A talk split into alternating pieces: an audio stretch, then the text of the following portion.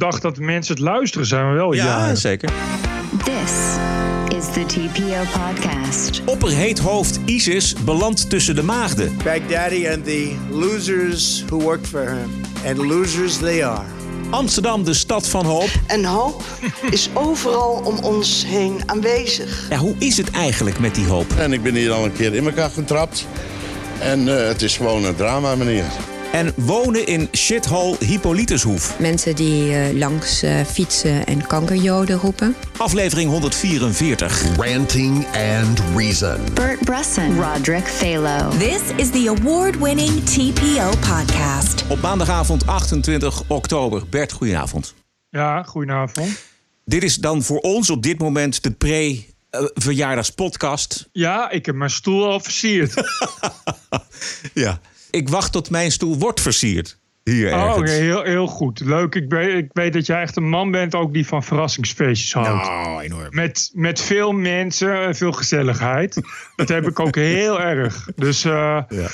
jammer dat ik dat hier moet missen, zeg. Bah, Ja. vervelend. Erg naar. Goed, zometeen eh, weer over eh, verjaardagen. Eerst vandaag nog, want vandaag blijkt zomaar dat de belangrijkste adviseur van de regering, de Raad van State, de invoering van het correctieve referendum bindend adviseert. Zo'n referendum die geeft ons burgers de mogelijkheid wetten die door de Eerste en Tweede Kamer al zijn goedgekeurd, alsnog af te schieten. Het is een overwinning voor SP Tweede Kamerlid Ronald van Raak, eh, die dat allemaal al in een wetsvoorstel gegoten heeft. En een overwinning voor Johan Remkes, die dat al eens eerder dringend aan het kabinet had overhandigd. Dit advies. En hoe zei hij dat ook alweer? het gevoel bij mensen, we hebben in laatste instantie een mogelijkheid om aan de rem te trekken, kan dat gevoel van afstandelijkheid verkleinen. Eh, soms eh, moet er beter geluisterd worden. Ja, dus het enige die het referendum nu nog kan tegenhouden, dat zijn het kabinet en de volksvertegenwoordigers. What can possibly go wrong? Ja, we hebben toch al zo'n eh, ve- een, een referendumvriendelijk kabinet. Met referendumvriendelijke partijen. Dus nou, dat kan, eh, zal wel niet tegen worden gehouden. Het zal in één moeite doorgaan naar de Senaat. Waar het ook over eveneens niet zal worden tegengehouden. We weten allemaal dat de Eerste Kamerleden van eh, bepaalde huizen helemaal voor mondige burgers zijn. En meer vrijheid in eh, meeregeren en meedenken. Dus dit zal één groot succes worden. Maar ik vind het dapper dat eh, Ronald van Raak dit zo lang volhoudt. Precies. Dat wel. Ja, ik las het eh, vandaag op eh TPO. En Ja. met natuurlijk een link naar het stuk van de Raad van State. En Ronald van Raak, die daar ook een eh, mooie column over geschreven heeft. En in het stuk staat ehm, het eigenlijk zoals Remkes het ook al een keer beschreven heeft. De representatieve democratie blijft in gebreken. De inhoudelijke opvattingen van Kamerleden sluiten op belangrijke thema's als integratie, migratie en Europa bijvoorbeeld niet goed aan op die van met name laag opgeleide kiezers, maar zeker niet alleen laag opgeleide kiezers. Kan ik de Raad van State mededelen? Wat jij, Bert? Ik denk niet dat de Raad van State dat weet. Die, eh, dat lijkt me ook niet iemand die. eh, dat lijkt me ook niet per se allemaal eh, leden die graag het oor te luisteren leggen. Maar ik denk dat het inderdaad. het idee dat het alleen nog maar bij laag geschoolde kiezers is, een beetje passé is. Ja, dat denk ik ook. Staat verder nog iets anders in, eh, namelijk een ander argument. Namelijk, het is door coalitievorming niet te voorkomen dat bij specifieke vraagstukken politieke meerderheden worden gevormd die niet altijd overeenstemmen met meerderheden onder de bevolking. Dus bijvoorbeeld, eh, een meerderheid van de bevolking wil minder immigratie, maar daar is geen meerderheid voor in de Tweede Kamer. En twee, in het handjeklap rond een coalitie gooit de VVD zoiets als de wens om minder immigratie bij de vuilnis, omdat ze zo graag willen gaan regeren met ChristenUnie of GroenLinks. Yep. Ik, ik noem maar wat.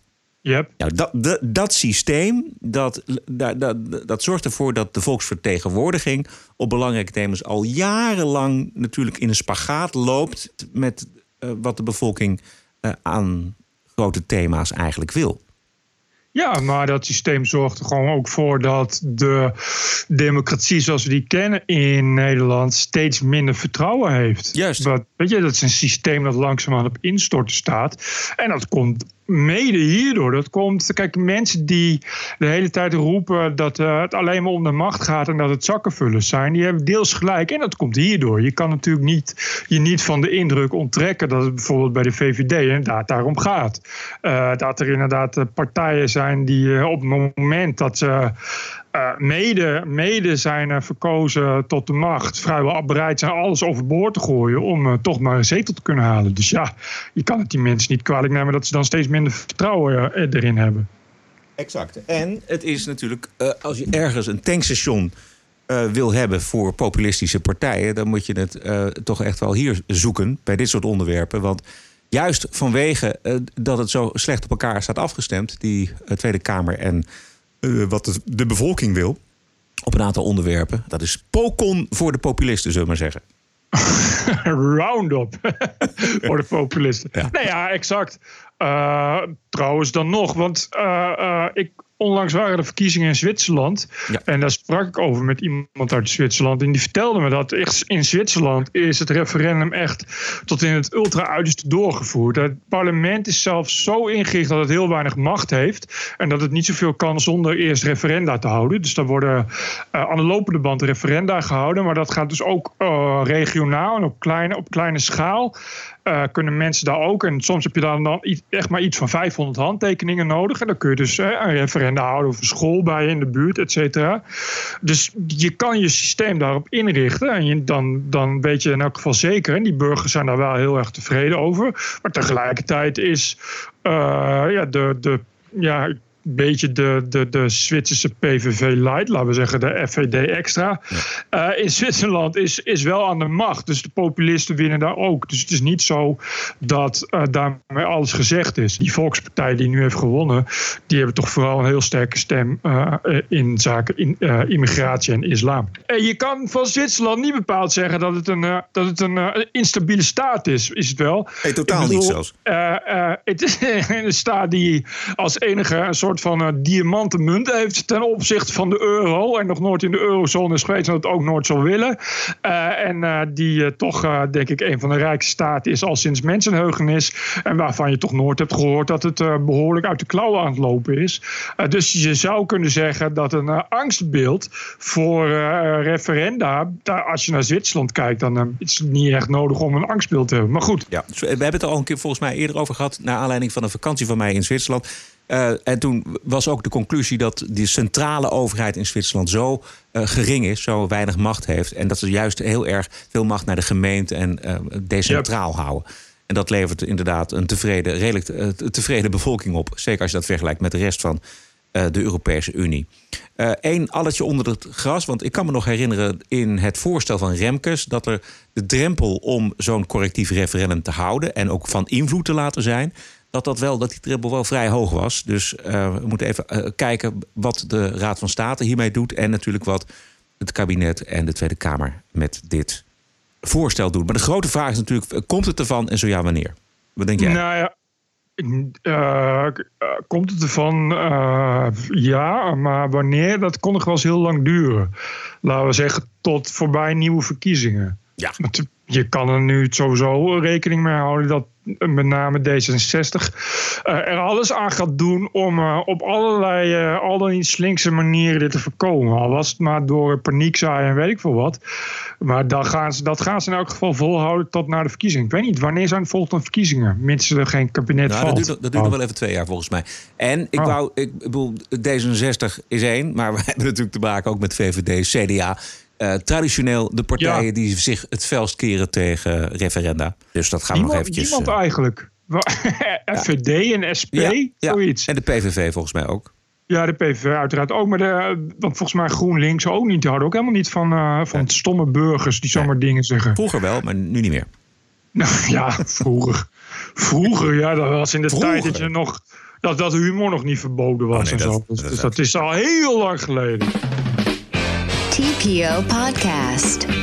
Gisteren een 54-jarige vader voor de oog van zijn kinderen en vrouw neergestoken op de Dam in Amsterdam. Zaterdagochtend werden de dode lichamen van een schoonmaak-echtpaar in een bioscoop in Groningen gevonden.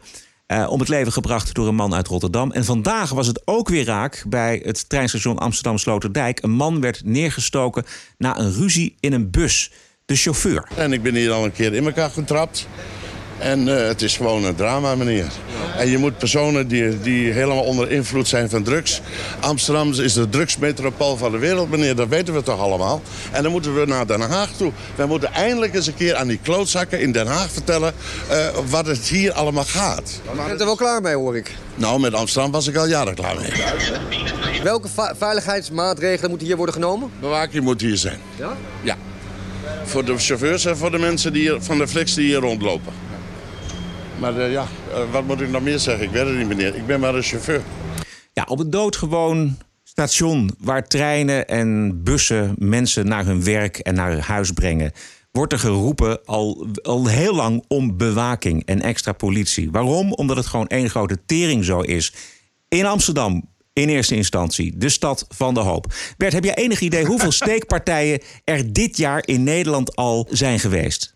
Tot nu, tot vandaag. Het zijn, nee, maar wel dat het verontrustend veel zijn en ook steeds meer worden. Er is een instantie die dat allemaal uh, bijhoudt. Uh, 370 alleen al dit jaar. Dus dat is tenminste elke dag één. Ja, nou, daar had je winst. Het is net zo leuk als Londen inmiddels, zal ik maar zeggen. Dat vroeg ik me ook af. En uh, je zag laatst in Rotterdam dat nu ook jongeren er ineens een nieuwe hobby bij hebben om elkaar met hele grote messen neer te steken. Vroeger bedreigden ze elkaar alleen om neer te steken. Nu vinden ze het ook leuk om dat in echt te doen. Dus dan krijg je, zoals in de Bijlmer laatst, hele jonge jongens die worden doodgestoken. Uh, maar Amsterdam was, was sowieso al heel lang een shithole wat uh, steekpartijen betreft. Vooral ja, verwarde mensen die willekeurige mensen neersteken. Ik kan me sowieso nog twee zaken, drie zaken herinneren. Jaren geleden iemand op de Dam, een dakloze, die iemand gewoon in zijn gezicht stak. Het slachtoffer is voor zijn leven verminkt uh, in, in een, in een filmtheater. Dat zit aan het einde van de Haarlemmerdijk. Ja. Zit zo'n zit zo'n bioscoop. De movies. Op, de movies, daar komen op op, op, een, op een avond kwam een totaal wappie van de wereld, Antilliaan, binnenlopen met een mes en begon om zich heen te steken op medewerkers die daar een feestje hadden. Uh, nou ja, we hebben het nu. We hebben op de gracht vlakbij het kantoor van André van Duin werd een willekeurige man, dat bleek een architect te zijn, werd in zijn nek gestoken. Die is nu de rest van zijn leven gehandicapt. En de dader was een uh, Italiaan die uh, van de rechter een boterbriefje kreeg en terug mocht naar Italië om daar maximaal een jaar naar een psychiatrische inrichting te mogen en daarna weer vrij te komen. Ja, we hebben nu gisteren uh, een mokro die al scheldend en ruziezoekend uh, vrouw op een bakfiets uitschold voor kankerhoer. Vervolgens zei iemand er wat van en kreeg hij een mes in zijn nek. Uh, ja, en nu weer, ja, ja, Sloterdijk, dat is het busstation. Dat zijn die Flixbussen. Dat zijn van die bussen die internationaal rijden. Dat kun je voor 4 euro kunnen naar Polen en Parijs. Dus er komt het van het allerlaagst komt daar dag en nacht samen. En dat is echt een soort, soort Brussel station Zuid. Als je daar s'avonds rondloopt, daar loop je, laat je je vrouw echt niet alleen s'avonds rondlopen, laat ik het zo zeggen. En daar is inderdaad nul beveiliging en nul bewaking. Dus er was weer een of andere gek nu die, uh, ik geloof dat dat slachtoffer was een Roemeen, die zei ik ga niet eens aangifte doen, want ach ja, wat heeft het voor zin? Daar heeft hij helemaal gelijk in. Dat is toch useless. Mainstream media hebben het uh, veel aandacht voor de slachtoffers, uh, terecht. Maar minstens zo belangrijk is de vraag, ja, wie zijn dan die daders van die steekpartijen? Je zegt het al heel veel, dat zijn afrekeningen. Uh, daar hebben uh, gewone mensen niet zoveel mee te maken. Maar het is juist die willekeurige voorbeelden die we net aanhaalden. Hè, die zo'n man op de Dam, zo'n zo'n echtpaar in een bioscoop. Zo'n man hier op de gracht voor het huis van André van Duin. Die, willekeur, die willekeurigheid, daar moet de overheid iets mee. Ja, en de daders, dat zijn toch echt ofwel uh, uh, inderdaad mensen die in Amsterdam wonen en die natuurlijk bekend zijn van de politie en een strafblad hebben van 18 kantjes. Of het zijn, dat is op het Rembrandtplein gebeurd, uh, agent in zijn nek gestoken op de fiets. En de dader was volgens mij een totaal geschifte Roemeen. Gewoon een toerist die het veel gebruikt. dus ook op hetzelfde Rembrandtplein is, is toen een Amerikaan overvallen. Die werd niet alleen overvallen, werd vervolgens gewoon, gewoon neergestoken door de overvallers. Daders waren ook volgens mij mij uh, buitenlanders. Weet je, dus het zijn uh, vooral niet de autochtone Amsterdammers. Het zijn de hele tijd, maar vooral wat opvalt zijn die gekken. Telkens weer die loslopende gekken. In de metro is ook toen een, een willekeurige jongen doodgestoken. Dalen was ook gewoon een loslopende gek. En telkens weer blijkt nog geen dag later dat het iemand is die eigenlijk opgesloten had horen te zitten. En dat de GGZ eigenlijk al bezig was met opsluiting te zoeken. En dat er binnenkort een rechte polshoogte gaan nemen. En vooral, en dat hoor je altijd, dat de, de politie het had moeten doorgeven. Maar dat dat dan om onbekende redenen niet is gebeurd. Ja, exact hetzelfde wat er nu in Groningen gebeurt uh, is. Die dader, dat is een 33-jarige man. Dat was een man met psychiatrische problemen, verbouwde wiet. Had al uh, eerder geweld gebruikt tegen agenten. Het leefde heel geïsoleerd. Uh, zou behandeld worden door een GGZ-instelling. Zijn familie die probeerde al heel lang verplichte zorg te regelen vanwege zijn psychoses. Maar dat kan in Nederland alleen als een rechter dat beslist. En die rechter die moest zich daar nog over buigen. En dat was nog niet gebeurd moet je je voorstellen dat je, dat je, weet je die mensen die, die werkt al weet ik veel hoe lang in de schoonmaak. Dus die zijn er waarschijnlijk al ochtends vroeg een miljoen keer geweest. Uh, je ochtends daar aan je werk gaat en de vuilnis buiten zet. En dan komt gewoon ineens zo'n gek op je af. En die, die je keel opensnijdt. Want een van de slachtoffers was gewoon de keel opengesneden, weet je. Uh, dan moet je dat aan de nabestaanden vertellen. Ja, dat is iemand die ineens wappie werd. Die heel lang bekend is als knettergek. Iedereen in zijn omgeving, zijn, familie, zijn buren, iedereen zei hij is knettergek. De politie wist het ook, want hij was ook op straat gaan liggen en weet ik veel wat. Allemaal totaal weer de shit. En dan moet je zeggen, oh sorry ja, hij is gewoon niet op tijd opgenomen. Weet je, ga dat maar eens uitleggen. Ja. Dat... het is gewoon te ziek voor woorden. Ja. Dat is één categorie, dat is een belangrijke categorie verwarde mannen, om het maar zo te zeggen. Maar de andere categorie is minstens zo gevaarlijk. Dat zijn namelijk die scooterheethoofden. Je ziet dat, dat er een vrouw je wordt uitgescholden. Het is nog je eigen vrouw ook. Die zegt, hey, uh, kap er eens even mee. En die vent uh, zet zijn scooter op uh, zijn standaard... en besprint je met een mes. Ja, maar het is ongek van te worden. Dat is agressie bij die lui is gewoon, het, begint gewoon een buitencategorie van, van gevaarlijk volk te worden. Je wordt er toch gewoon strontziek van. Dus het is, eh, die lui zijn alleen maar agressief. Die lui kennen gewoon alleen geen enkel respect, geen enkele waarde, geen enkele wet en zo. Het zijn al honderden, misschien wel duizenden. Weet je, het is toch niet normaal meer. Daar moet toch een keer, toch een, keer een einde aan komen. Nou hebben ze bij uh, uh, voor, voor democratie in de raad gezegd: laten we gaan preventief gaan fouilleren. Nou, dat mag niet van de linkse gemeenteraad. Want preventief fouilleren is dat leidt alleen maar tot, tot discriminatie en racisme. En dat is een heel zwaar middel en dat moeten we niet zomaar willen inzetten. Nee, dan moeten we gewoon nog, nog meer lijken, nog meer mensen worden afgeslagen, nog meer mensen voor het leven verminkt. Alleen maar door hetzelfde tuig, door hetzelfde gaaiers in die lieve stad, vol lieve mensen, die leuke regenboogstad van hoop. Goddomme, dan zijn dat nog te gek. En dan hebben we het nog ineens over, over uh, jihadisten. Weet je, dat, uh, weet je dat, uh, wanneer was het? Vorige week of twee weken geleden. Dat, dat op, de A, op de A2 een spookrijder een, een, een, een heel echtpaar aan gort heeft gereden. Omdat hij ineens naar links ging. Die dader die dat heeft gedaan was een Marokkaan. Die is uh, uh, voordat je het weet, is die, die is nu al begraven in Marokko. Uh, en zijn familie woonde in Overvecht. Die familie zijn massaal. Oh, oh nee, dat is epilepsieaanval geweest. Epilepsieaanval, Mahula. Er was een getuige in een Tesla. Die zei hij reed twee kilometer evenwijdig aan mij, nog twee kilometer rechtdoor over de vluchtstrook. En het AD heeft iemand gesproken die op het nippertje zijn stuur kon omgooien. Anders was hij het slachtoffer geworden. Een gast in een bussie. En die zei, die gast zat met twee handen stevig aan het stuur te schreeuwen. En hij kwam gillend op mij af. En ondertussen is er al heel veel geld ingezameld via de moskee. Dan moet je mij eens wijsmaken dat hij inderdaad epilepsie had. En nou wil ik niet zeggen dat het dan maar uh, een jihadistische aanslag is. Maar het geeft wel te denken Weet je, iemand in een, uh, iemand in een uh, waarvan de getuige ook al zei, iemand in een gedeukte auto met aan de voorkant geen nummerbord. Die op het juiste moment, op het juiste moment, precies op het stuk waar geen vanger is, naar links gaat zonder een andere auto te raken over vier of vijf banen. Vervolgens twee kilometer rechtdoor blijft rijden over de vluchtstrook En zich dan vol in, een, in het tegenliggen boort. Met meer dan 120 km per uur. Hoor je daar wat van in de mainstream media?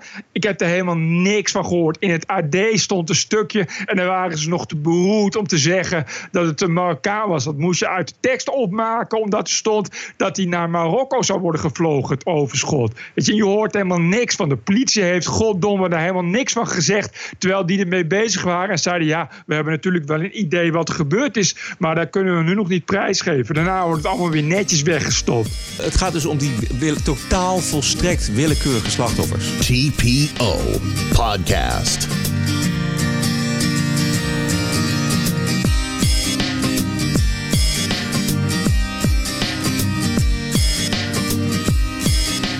Het grootste nieuws van de afgelopen dagen is natuurlijk de dood van IS-leider Abu Bakr al-Baghdadi is dead. He died after running into a dead-end tunnel, whimpering and crying and screaming all the way. the compound had been cleared by this time, with people either surrendering or being shot and killed. Eleven young children were moved out of the house and are uninjured. The only ones remaining were Baghdadi in the tunnel, and he had dragged three of his young children with him. They were led to certain death. He reached the end of the tunnel as our dogs chased him down. He ignited his vest, killing himself and the three children. His body was mutilated by the blast. The tunnel had caved in on it, in addition. But test results gave certain, immediate, and totally positive identification. It was him. It was him. Dit was een van de persconferenties van Donald Trump waar hij volgens mij het meeste zin in had. Want dit uh, was natuurlijk aardig. Het, het aardige was ook uh, van de dagen erna dat diverse media zich uh, niet meer laten leiden door zeg maar, het feitelijk goede nieuws dat al-Baghdadi er niet meer is. En dat daarmee de terreurorganisatie IS zelf ook eens meemaakt hoe het is om onthoofd te zijn. nee, het nieuws was groot. Maar het was ook heel snel weer gedownplayed. Ik uh, las uh, in trouw uh, dat ISIS een stel heethoofden is. Dat al-Baghdadi gewoon vooral een ja, slimme geleerde was... die een stel heethoofden, een leger heethoofden leiding gaf. En ik zag ook dat andere kranten daar toch erg hun best deden... om toch vooral geen crimineel te maken van deze ontzettend criminele mensenrechtenschender. Ja. Waarvan we maar blij mogen zijn dat Trump hem uiteindelijk op de knie heeft weer te, te, te drijven... en in een tunneltje zonder einde heeft weten te krijgen. Uh, ja, het is kennelijk uh, zelfs. Uh, je gaat je toch afvragen of ze nog straks bereid zijn om ISIS nog leuker te vinden dan Trump. Ja. Je, je weet nee. het gewoon niet meer. Nee, nee. Het AD en Trouw hadden het inderdaad over stelletje heeft, heet hoofden. Verwijzend naar de meest gewelddadige terreurorganisatie uit de geschiedenis. En waar ook veel ophef over was, de kop van de Washington Post. Die schreef dat het uh, om een sobere religieuze geleerde aan het roer van de islamitische staat ging. En dat die overleden is op 48-jarige leeftijd. Ja. Alsof je het over de Dalai Lama hebt. Ja, nee, ja, precies. Het is, uh, ik, er werd ook meteen uh, op Twitter massaal grappen over getwitterd onder een hashtag. Inderdaad, uh, varieert van uh, aardige kunstenaar uit Wenen overleden ja. na een aanval op zijn home, uh, hometown tot uh... Charles Manson, de beroemde liedjeschrijver en meditatiemeester, overlijdt op 83-jarige leeftijd. Ja, precies, dat soort grappen. Dat was ook met een hashtag, hè, met Washington ja. Post. Ja, ja, ja. Dus die, die werden helemaal gek gemaakt. Dat werd natuurlijk tienduizenden keer getweet in één keer. Maar de Washington Post heeft er uiteindelijk de kop weer aangepast. Oh, wat natuurlijk toch, wel, toch wel echt ronduit hilarisch is. Dat, je daar, uh, dat het zo slecht is dat je bij jezelf moet toegeven dat het heel slecht is. Ja, exact. Maar het heeft natuurlijk inderdaad alles te maken met dat soort dingen. Met het feit dat het Trump is. Ja. Dat, de, ja, het is alles. Ik bedoel, uh, uh, bij de Washington Post, want volgens mij hebben ze dat eerder gehad, dat ze iets hadden waar, waar dan misschien uit zou blijken dat dat Trump te positief was. En dat er zoveel massale protest uh, opkwam. dat ze daarop hebben mo moeten reageren. Dus ze zijn echt doodsbenauwd. En alles wat, wat Trump dan heeft aangeraakt. proberen ze dan toch in een soort van. Ja, ander narratief te gieten of zo. Ja. Wat natuurlijk totaal bizar is. Want wat ik zeg, Osama bin Laden is het gewoon de grote terrorist. Weet je, uh, Osama bin Laden hebben we nog nooit bewijs van gezien zelfs. Daar was uh, Obama zegt het en, en het was allemaal jubel en jubel. En dan krijg je de Nobelprijs voor de vrede. Ja. En hier is het precies hetzelfde. Ik bedoel, volgens mij is deze gast nog erger dan Osama bin Laden. Nou ja, dat Ja. laat, nee, laat ik dat terug. dat wordt een beetje een raar verhaal. Maar ik bedoel, het, ze staan ex equo op één, laten we zeggen. Ja, het gaat toch wel echt om hele bloeddorstige Nou, figuren. die er nog no- nooit echt ook een eh, doekjes om hebben gewonden. Wat, eh, wat er met ons te wachten staat als het aan hen ligt. Ja, bloeddorstig Bert, het heethoofden. Laten we het daarop houden. Ja, ja, ja, heethoofden. heethoofden. Heethoofden. Laten we even luisteren naar hoe CNN probeert down to play. So this morning, uh, President Trump singled out countries that he says provided some level of support in the raid to take out al-Baghdadi, and among them, Russia. Russia treated us great. They opened up. We had to fly over certain Russia areas, Russia-held areas. Russia was great. But in a, a statement released this morning, Russia's military cast doubt on the entire operation. Hi, Frederica. Yeah, it was quite interesting. Uh, the president obviously spelling out uh, all that thanks that he had there for the Russians, and also when he thanked generally uh, nations that he said were helpful, he mentioned Russia first. So seemingly uh, giving the Russians uh, a, a lot of, uh, of thanks Oeh, there. oeh. R- Russia first. Nou, Oh, dan weet het wel. Ja. En Collusion. Collusion, dat, Collusion. dat één. Maar het gaat vooral om dat eh, Trump dus aardig was voor de Russen... maar de Russen niet voor Trump. uh, from the president. If he thought he was going to get any love from the Russians back, he certainly seems to be mistaken. You're absolutely right. The Russians casting doubt on whether or not this operation even took place and essentially blasting uh, the U.S. in a statement that was put out by the spokesman for the Russian military. First of all, the Russians claim that they have no evidence of any airstrikes at all taking place in what they call the Idlib de-escalation zone, which is that area where that operation took place. Ja, dus eh, de Russen zeggen er heeft niks plaatsgevonden. Dus ik zou de Russen geloven volgens mij. Then they also said that they have absolutely no knowledge of giving the U.S. any sort of assistance. All those things that President Trump was just talking about, about notifying the Russians, about them saying, well, thank you for notifying us. The spokesman for Russia's military says they have absolutely no knowledge of that happening. And then the Russians cast doubt on the operation and the success of the operation as a whole. Even if this operation took place, they don't believe it's going to change anything on the ground because obviously they say that there's other militant groups still operating in that area as well. So certainly President Trump with some kind words from the, for the Russians. The Russians not so much returning those kind words hmm. back, Frederica. All right, Fred Blyken, thank you so much. Thank you so much. Great report. Alsof, alsof het Kremlin, eh, als ze meewerken, gaat zeggen... ja, we hebben met Ja. veel plezier samengewerkt met de Amerikanen... op grondgebied wat, eh, wat, eh, waarvan we niet mogen zeggen dat we daaraan meewerken... om een ISIS-strijder omver te werpen. Want wat terwijl als we dat zeggen, dan kunnen we zelf ook een enorme blowback verwachten... omdat we een aanslag krijgen in eigen land. Het is, Ja. Bert, als jij dat kan bedenken, als ik het kan bedenken, was het eerste waar ik aan dacht ook. Hoe kan, Dat toch- dat, dat moeten die, die, die jongens en meisjes van CNN toch ook kunnen bedenken. En dat bedenken Ja. ze misschien wel, maar ze willen natuurlijk eventjes Trump een hak zetten. Het blijft. Luister eens. Ja. dezelfde mensen van CNN. Dit zijn dezelfde mensen van CNN die normaal bij elke scheet die Poetin laat gaan gillen dat het nepnieuws is van de Russen. Oh ja.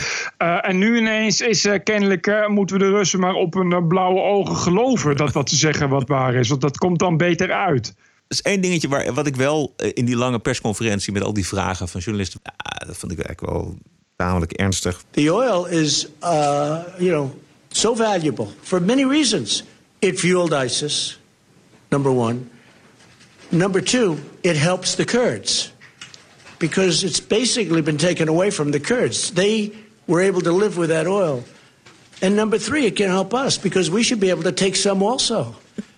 And what I intend to do, perhaps, is make a deal with an ExxonMobil or one of our great companies to go in there and do it properly. Right now, it's not big. It's big oil underground, but it's not big oil up top. Dat heeft hij. Ja, nee, Raar verhaal, ik- ja, heel raar verhaal. Maar dat heeft, hij, dat heeft hij zich al een keer eerder laten ontvallen.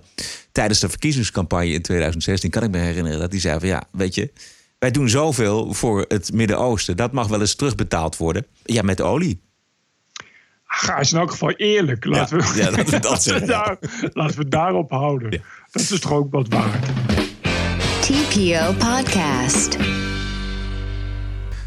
Er zijn gelukkig deze week toch weer donaties binnengekomen. Ik zou zeggen, eh, join the club. Eh, welke waarde heeft de TPO-podcast voor jou? Is het of amusement, of informatie, of allebei, of is het iets anders? Eh, is het je 5 euro waard? Is het je 10 euro waard? 50 euro, 100 euro, 200 euro? Doneren kan op tpo.nl slash podcast. Doen wij zelf namelijk ook. Doneren aan wat je gratis kunt eh, luisteren of lezen eh, op internet. Ik doe dat bijvoorbeeld, Bert, met software die ik gebruik... waar ik niks voor hoef te betalen, maar wel kan doneren. Eh, maar ook met podcast bijvoorbeeld, die ik vaak beluister. Afgelopen weekend eh, namens ons beiden, Bert... eh, toch weer iets overgemaakt aan Adam en John van de No Agenda podcast. Roderick uh, shortened his uh, title to Rod, so he's Sir Rod, and Sir he's Rod. from the TPO podcast. Oh, right. He's he's the mainstream. he's the, mainstream great guy. TPO podcast. Yes, exactly. In the morning, John and Adam. Uh, Tuesday, October 29th is the birthday of my TPO podcast buddy, Bert Br- Brusson. Mm-hmm. Oh. Brussen. uh, and mine as well. Whoa. Bert becomes 44 and I'll be 55 the Nice. same day. This is our birthday present for the best podcast in the universe. Please continue the great job. Okay, well you got it. We're on the you're on the list as far as I can tell. Yeah, on the list, and thank you, and happy birthday to both of you guys. birthdays. Fif- Fifty-five. You'll like it. It's not bad. As a podcast, Unless you have to drive at that speed. unless unless you wake up at 55 and you find your career is doing a podcast. Otherwise, you'll feel great. Als je er niks aan hebt, doneer dan helemaal niks. Maar als je er lol aan beleeft aan de TPO-podcast... dan mag je een bedrag naar eigen keuze doneren. Ga dan naar tpo.nl slash podcast. TPO Podcast.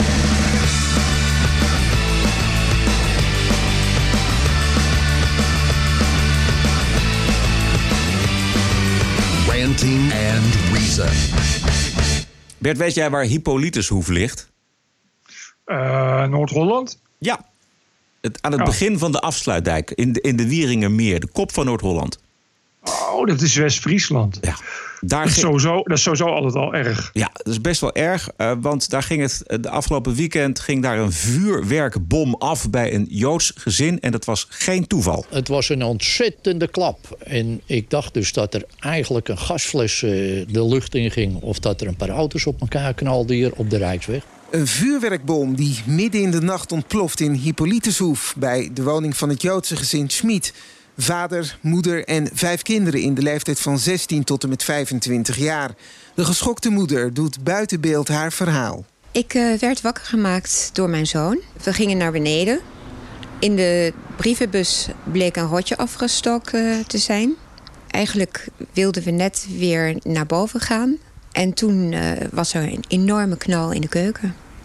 Het raam eh, was ontploft. Er lagen scherven zelfs 10 meter verder. En wat dacht u toen? Want dat is behoorlijk schrikken lijkt me. We dachten van, eh, oh, het is weer zover. Want dit is al het achtste incident in drie jaar tijd. In de twintig jaar dat het gezin hier woont... zijn ze al tientallen keren lastig gevallen. We hebben bijvoorbeeld een boomstam door het raam gehad. Mensen die eh, langs eh, fietsen en kankerjoden roepen. Maar de politie heeft eh, een tijd lang eh, bescherming eh, gegeven. En toen werd het minder. Wat zou qua motief achter kunnen zitten van die daders, denkt u? Vanwege eh, hakenkruizen op de, op de sneeuw voor ons huis. En eh, eh, echt veelvuldige afschuwelijke dingen die tegen onze kinderen zijn gezegd... denken wij dat eh, het eh, antisemitisme is. Ik vind het heel erg, want die mensen die worden al jarenlang eigenlijk eh, eh, getreiterd. Eh, door een hekje kapot te trappen en dergelijke. En dat het nou dan met vuurwerk is, dat is helemaal schandalig natuurlijk. Hè. Ja, al twintig jaar schelden en bedreigen. En sinds drie jaar dus geweld. En de grote vraag is, eh, wie is dit tuig? En hoe staat het eh, na drie jaar met politieonderzoek in Hippolytushoef? De politie heeft de zaak in onderzoek en tast nog volledig in het duister. Bezorgde bewoners uit de buurt hebben inmiddels 200 euro beschikbaar gesteld voor de gouden tip. Die leidt naar de daders. Ja, 200 euro beloning voor de gouden tip. Goed bedoeld van de buurt natuurlijk, maar dat bedrag moet natuurlijk veel hoger. En worden uitgeloofd door de politie of door de gemeente. Bij monden van eh, de PvdA-burgemeester Rian van Dam. Oh. En wat heeft, wat heeft die nou de afgelopen drie jaar uitgespookt? Nou, wat er natuurlijk gebeurd is de afgelopen week, dat is misselijkmakend en eigenlijk niet te accepteren. Dus, eh, en we leven heel erg mee met het gezin. Het is natuurlijk heel vervelend dat hem eh, zeker afgelopen week is eh, overkomen. Ja, afgelopen weken, zeg maar afgelopen jaren. Wel fijn dat ze heel erg meeleven. Ja. Dat zal, dat zal die mensen het wel heel hard verwarmend vinden. Toch een stukje hoop die dan, dat je dan krijgt. Eigenlijk zegt ze, eigenlijk kan zoiets niet. Nee. Ja, goed dat ze dat zegt. Ja, dit is geen burgemeester met haast. Nou, in eerste instantie eh, gaan we natuurlijk contact zoeken met de familie. En eh, dat zal ook zo snel mogelijk gebeuren om te kijken of ik daar eh, langs kan. Dat is in ieder geval. Ja, en dan zullen we toch op basis van eh, de feiten, zeg maar het dossier en de feiten, zullen we kijken wat we eh, kunnen doen. Na twintig jaar pesterij, waarvan de afgelopen drie jaar dus met geweld en intimidaties, nog geen dader in het vizier, 200 euro voor de gouden tip en een burgemeester die eens zal kijken of ze bij het gezin langs kan. Wat een beschamend stuk Nederland is dit. Nou, als dat geen, eh, binnenkort geen extra camera-toezicht wordt en extra surveillerende politie, dan weet ik het niet meer. Een, eh, een snoeihard middel van onze rechtsstaat dat zuinig moet worden ingezet. Dat zal eh, dan toch wel gaan gebeuren. Ik eh, herken hier heel erg in. eh, ik eh, noem eens eh, wat. eh, eh, waar was dat? Die, eh, die, eh, waar ook die eh, bendes eh, al eh, jaren die straat terroriseren, waar we het vorige keer over hadden. De pilotenbuurt in Beverwijk. Ah, Beverwijk, ja, ook zo'n ook zo'n parel, eh, parel in Holland. Anyway, eh, daarvan eh, zegt de politie dat ze toch al lang weten wie dat zijn. En die pakken ze dan ook wel regelmatig op. Maar dan is er, omdat het minderjarigen zijn, staan ze daarna weer buiten. Dus überhaupt het feit dat er misschien straks een gouden tip komt eh, om deze daders eh, te pakken, dat zegt verder helemaal niks. Want je kan nu op je vingers eh, natellen dat het jong grut is, wat dan de volgende dag weer buiten staat. Maar kankerjoden roepen, goh, wie zou dat nou toch doen, hè?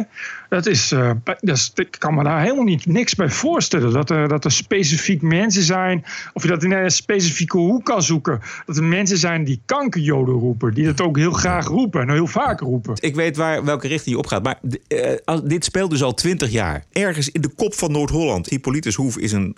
Dat stelt niet zoveel voor. Dat is echt uit de klei, Hollandse klei getrokken. Ik weet niet of daar ook die bekende groep terreurjochies woont. Dat weet ik niet.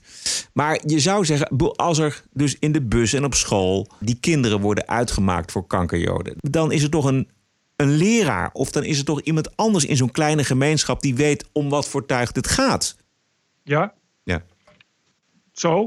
Ja. Zo? Ja. Hoe kan dat nou twintig jaar aan de gang zijn? Omdat niemand daar iets aan durft te doen. Omdat eh, mensen liever eh, wegkijken. Omdat er eh, sowieso te weinig mogelijkheden zijn. Nou, je hebt net die burgemeester gehoord. Ik bedoel, als je al die burgemeester hoort... je hoeft er echt niet bij te vertellen dat het PvdA is. Dat heb je na drie seconden wel al door. Dus dan weet je wel eh, hoe, hoe het er daarvoor staat. Je, je kan daar eh, eh, dingen vinden en willen tot je een ons weegt. Er gaat gewoon helemaal niks gebeuren. En, en, en dan nog, ik, dat zeg ik, dan weet je wie het is. Ja, dan moeten ze. Ja, er gebeurt niks. Dan moeten ze een halt. En dan moeten ze hun excuses aanbieden. Dat las ik laatst iemand die. eh, eh, ook slachtoffer was het verder een losstaande zaak. Ook een Nederlander die slachtoffer was. Die zei ja, op een gegeven moment kreeg ik een brief. en Daar stond op: Ik moest mijn excuses aan je aanbieden van halt. Ja, ja, dit, dit niveau, dit is, dit is hoe het gaat. Ja, ik zou, eh, ja, die mensen, daar heb ik al gelezen, die zeiden ook van ja, we kunnen niet weg, want we kunnen het hier niet verkopen. Je, je bent gewoon aan, aan de goden en aan de jungle overgeleverd. Het is ook helemaal niet voldoende politie, uiteraard, al helemaal niet een Hippolytus Hoef. Dus laat staan, je kan dan wel, als er iets gebeurt, kun je wel bellen en dan komt er op een gegeven moment ook wel politie. Maar ja, dan is het tuig alweer gevlogen. Bovendien, tja, ze tekenen alleen maar hakenkruisen en ze gooien af en toe met boomstammen door het raam. Maar verder schelden ze alleen maar. Dus ja, dat moet je dan wel een beetje zo. eh, Het zijn prioriteiten, meneertje. We kunnen niet zomaar eh, elke keer als iemand scheldt, kunnen we uitrukken met grof materieel. Helemaal niet een Hippolytus Hoef. Eh, Ik bedoel, in Horen, wat toch niet zo gek ver van Hippolytus Hoef is, gok ik zo. Hadden ze laatst eh, een verkrachting. En die verkracht eh, mevrouw die bracht de dader op een serveerblaadje aan de politie. En daar deed de politie niets. Want ze hadden andere prioriteiten om maar eens even aan te geven hoe het in Noord-Holland met de politie kan staan. Laat staan dat als die mensen gepakt worden, het OM daar iets mee kan doen. Dat heeft überhaupt al geen tijd. Bovendien heeft hij het uh, hele drukker, uh, veel drukker met allerlei andere bijzondere prioriteiten. Uh, zoals er zijn snelwegblokkeerders. Uh, en uh, andere mensen die onschuldig vast moeten worden gezet. ik kon even niet snel een voorbeeld bedenken. Ja. Maar ik bedoel, ik bedoel, ja, verder die rechtsstaat is niet op berekend. En er is inderdaad niemand die er uh, wat aan gaat doen. Want ja, ja, ja, ja, ja. Het zijn allemaal natuurlijk ook slachtoffers van de maatschappij. En als het geen slachtoffers van de maatschappij zijn, het zijn slachtoffers van de armoede en discriminatie.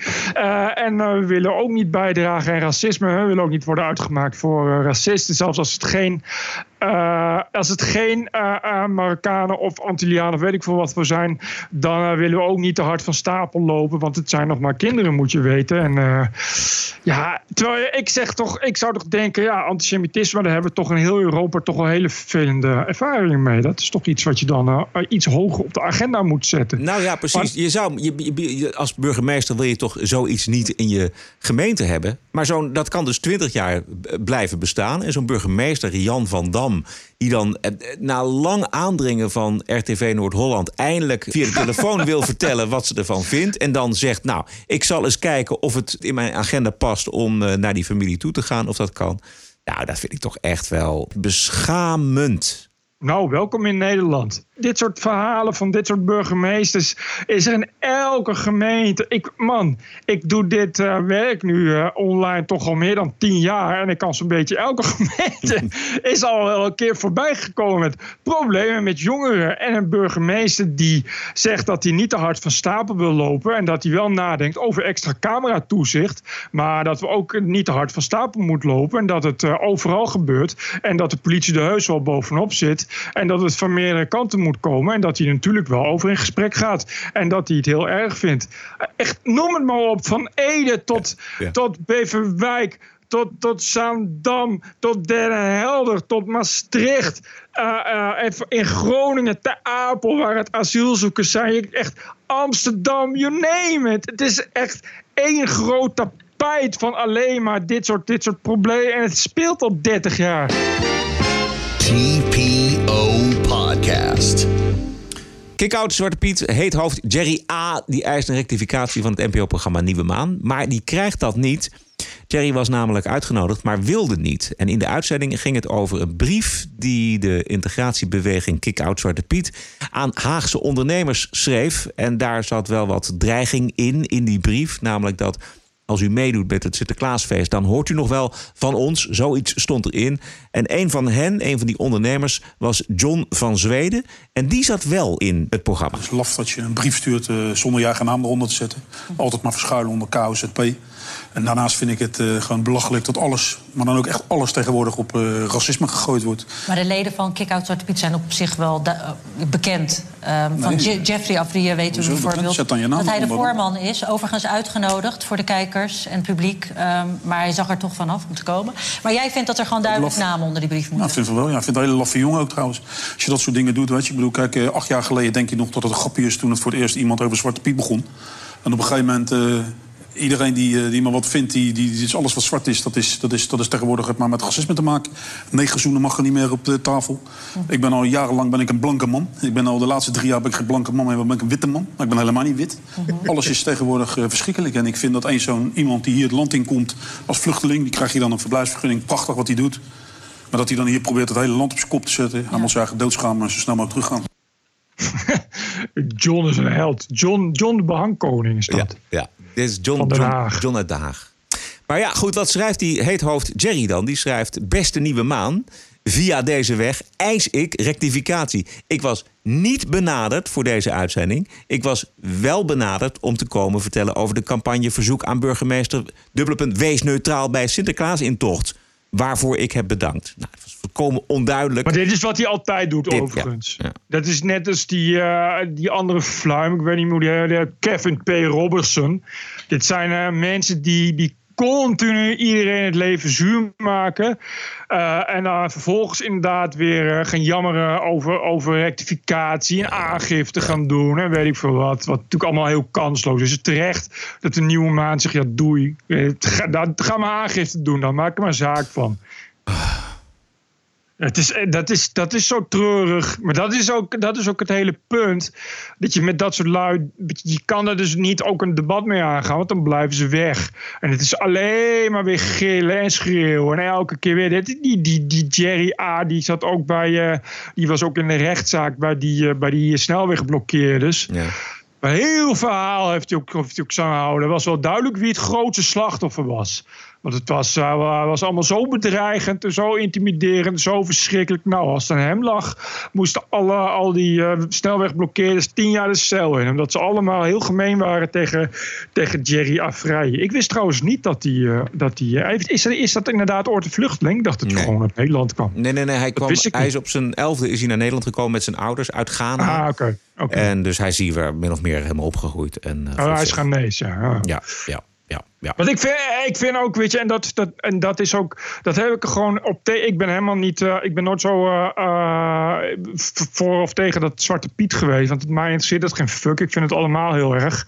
Zowel uh, Zwarte Piet als Sinterklaas, als geen Zwarte Piet en geen Sinterklaas. Dus hou op met me. Ja, als het maar weg kan blijven, Sinterklaas vind ik prima. Maar wat, ik, wat ik heel erg begrijp van de mensen die voor Zwarte Piet zijn, is dat ze gewoon hun hakken in het zand zetten. En dat komt gewoon door de manier, door de agressieve manier waarop ze wordt opgedrongen. ik, vind, ik vind echt serieus dat die gasten in wezen een punt hebben. Ik vind dat je best mag zeggen, als je, als je zwart bent. Van ja, ik woon hier mijn hele leven, maar ik hoor ook al heel mijn leven. Als het Sinterklaas is, hey, Zwarte Piet. En, en ik vind best dat je dan mag zeggen: Goh, het is toch als je dat zo, zo, nou, als je dat zo sec bekijkt. Met, met van die oorringen en kroezenhaar en, en een rood geschilderde lippen. Ja, ik kan er nou wel, wel een beetje een blackface in zien. Dat is toch ook niet heel erg. En dan moet je daar een debat over voeren. Maar, maar het gegil en geschreeuw en het toeëisen en het steeds agressief bijna op het, ja, op, het, op het terroristische af. Ja, dan begrijp ik wel dat, ja, zoals die Johnny zegt, zegt van ja, weet je, daar wat, wat moet je er dan mee? Maar weet je waarom zij deze houding aannemen, die uh, kick-out Zwarte Piet? Omdat ze er ook succes mee hebben. Want het, kijk maar naar hun familieleden van de Eeuw, weet je wel, door te dreigen. Die hebben al zoveel bereikt in Nederland zo nou hun zin kunnen doordrijven. In Tivoli, in Amsterdam met het VOC-café. Uh, ga zo maar door. Zwijger. Ja. Ja, maar, ja, maar goed, ze krijgen ook overal op een soort, op een soort, op een soort erepodium. Een podium. Ik bedoel, uh, de wereld draait door. En uh, Pauw en Witteman en Pauw, die hebben daar toch hard aan meegewerkt. Het is duidelijk dat dat een agenda was waarvan anderen wel vonden dat die zo snel mogelijk moest worden doorgevoerd. Dus ja. Ik ben er doorheen, Bert. Jij nog wat? Ja, uh, nog even. Uh, jouw, jouw geliefde Volkskrant, de hoofdredacteur daarvan, heeft onlangs in een commentaar geschreven dat hij op bepaalde dossiers liever niet al te kritisch is. En in dit geval ging het om het RIVM en, en het IPCC, het Klimaatpanel. en hij schrijft letterlijk dat hij ja, uh, als hij uh, vindt, hij vindt dat als we daar te kritisch over zijn als uh, journalistiek medium, dan geven we misschien wel te veel munitie aan de mensen die dit soort instituten helemaal weg willen hebben en die helemaal niemand vertrouwen. En daarom geeft hij nu toe dat hij niet altijd even kritisch is op deze instituten. Nou, heb je dit, Roderick? Ja, ik heb het, maar ik, ik, zoek, ik zoek het er even bij. Ja, ik las het toch iets anders, moet ik zeggen. Oh, ik hoor graag je verdediging ja, als ja, Volkskrant abonnee. Ja. kijken waar ik het nou kan. Ik zit even op de, in de tijdlijn van Winia te. Want ik, ik, ik, ik, sloeg ook aan op wat hij zelf zei. Maar toen las ik het, eh, het originele bericht. Toen dacht ik, nou ja, ach. Oh ja, nu heb ik het. Oh, dan ga ik, kan ik die dit Pieter Klok. Want het stoort. Pieter Klok, Pieter, Klok. Van nature houden we dergelijke organisaties. Dan heeft het over het CPB en het IPCC. Ja, van nature houden we dergelijke organisaties uh, het liefst scherp in de gaten om te voorkomen dat ze al te gemakkelijk conclusies trekken of te veel macht krijgen. Maar als je nu mhm. kritisch mhm. bent, loop je het risico's dat je munitie levert aan degene die het liefst helemaal van dergelijke instituten af wil en niemand meer wil vertrouwen, behalve zichzelf. Uh, dat kan ik volgen. Hoe nu verder is de vraag precies. In de eerste plaats door kritiek niet klakkeloos over te nemen. Ja. Ja, we moeten sentimenten in de maatschappij goed beschrijven en begrijpen. Maar we moeten die altijd van feiten en context voorzien. Ja, klopt, helemaal mee eens. En duidelijk maken dat een samenleving zonder onafhankelijke scheidsrechters slechter af is dan een samenleving met scheidsrechters die af en toe een foutje maken. Die laatste zin, dat geeft het toch al weg. nee, daarin zegt hij niet dat we ze niet moeten controleren en ze niet op fouten moeten betrappen. Maar dus... Nee, maar wel dat we, dat we af en toe dat dan maar een beetje zo, uh, zo uh, langs ons neus mogen laten gaan of zo. Of hoe moet ik dat dan interpreteren? Nou, hij, die scheidsrechters zijn dan zij toch zelf als journalisten, dat bedoelt hij dan toch? Ja, er zit, er zit wel iets, iets heel raars in. Want als ik hem goed begrijp, dan zegt hij... die instituten die zijn niet foutloos... maar de wind die ze nu van voren krijgen is te gemakkelijk en onterecht. Daar moeten we niet opspringen. We moeten wel kritisch blijven volgen. En we moeten sentimenten in de samenleving kritisch blijven volgen. Maar we moeten ook zien hoe belangrijk die instituten zijn. Zoiets. Ja, dat, dat is wat hij zegt.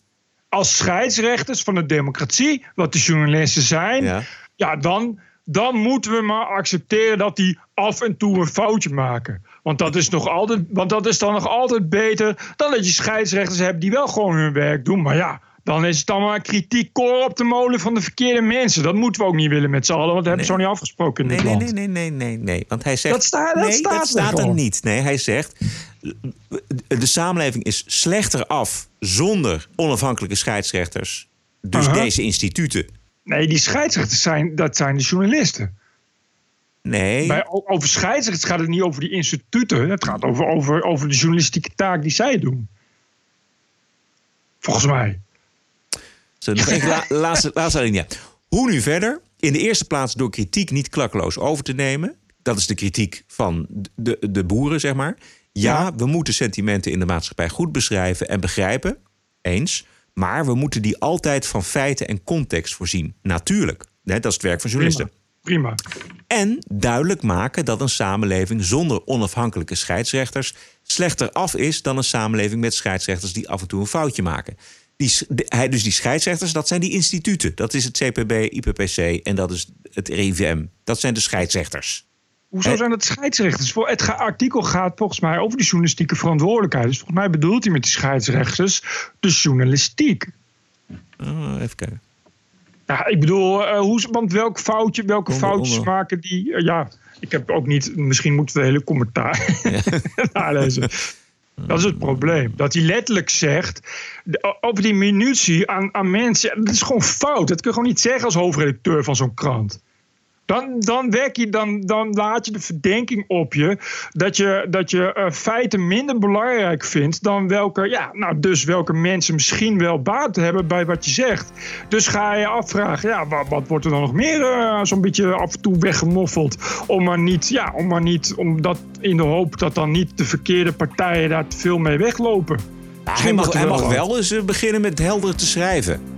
Ja, ja, daar is hij nooit zo goed in geweest. En hij is sowieso 40, 45 keer laffer nog dan, uh, dan, uh, dan de vorige hoofdredacteur. Dus het verbaast me allemaal geen fuck. Ja, die remarque was niet laf. Nee! Nou ja, uiteindelijk wel. Uh, maar, maar goed, dat was iemand die uiteindelijk toch ook minder ballen had dan, dan was gewenst. En uh, toch ook wel uiteindelijk makkelijk bukte omdat hij bang was voor te veel druk. Maar die Pieter Klok, dat is echt een. Dat is echt, dat is echt een. een uh, ja, nou, die gebruikt denk ik gewoon Always elke dag. Daar durf ik best mijn hand voor in het vuur te steken. Tot zover aflevering 144. Wat levert deze podcast u op aan informatie, achtergrond, amusement?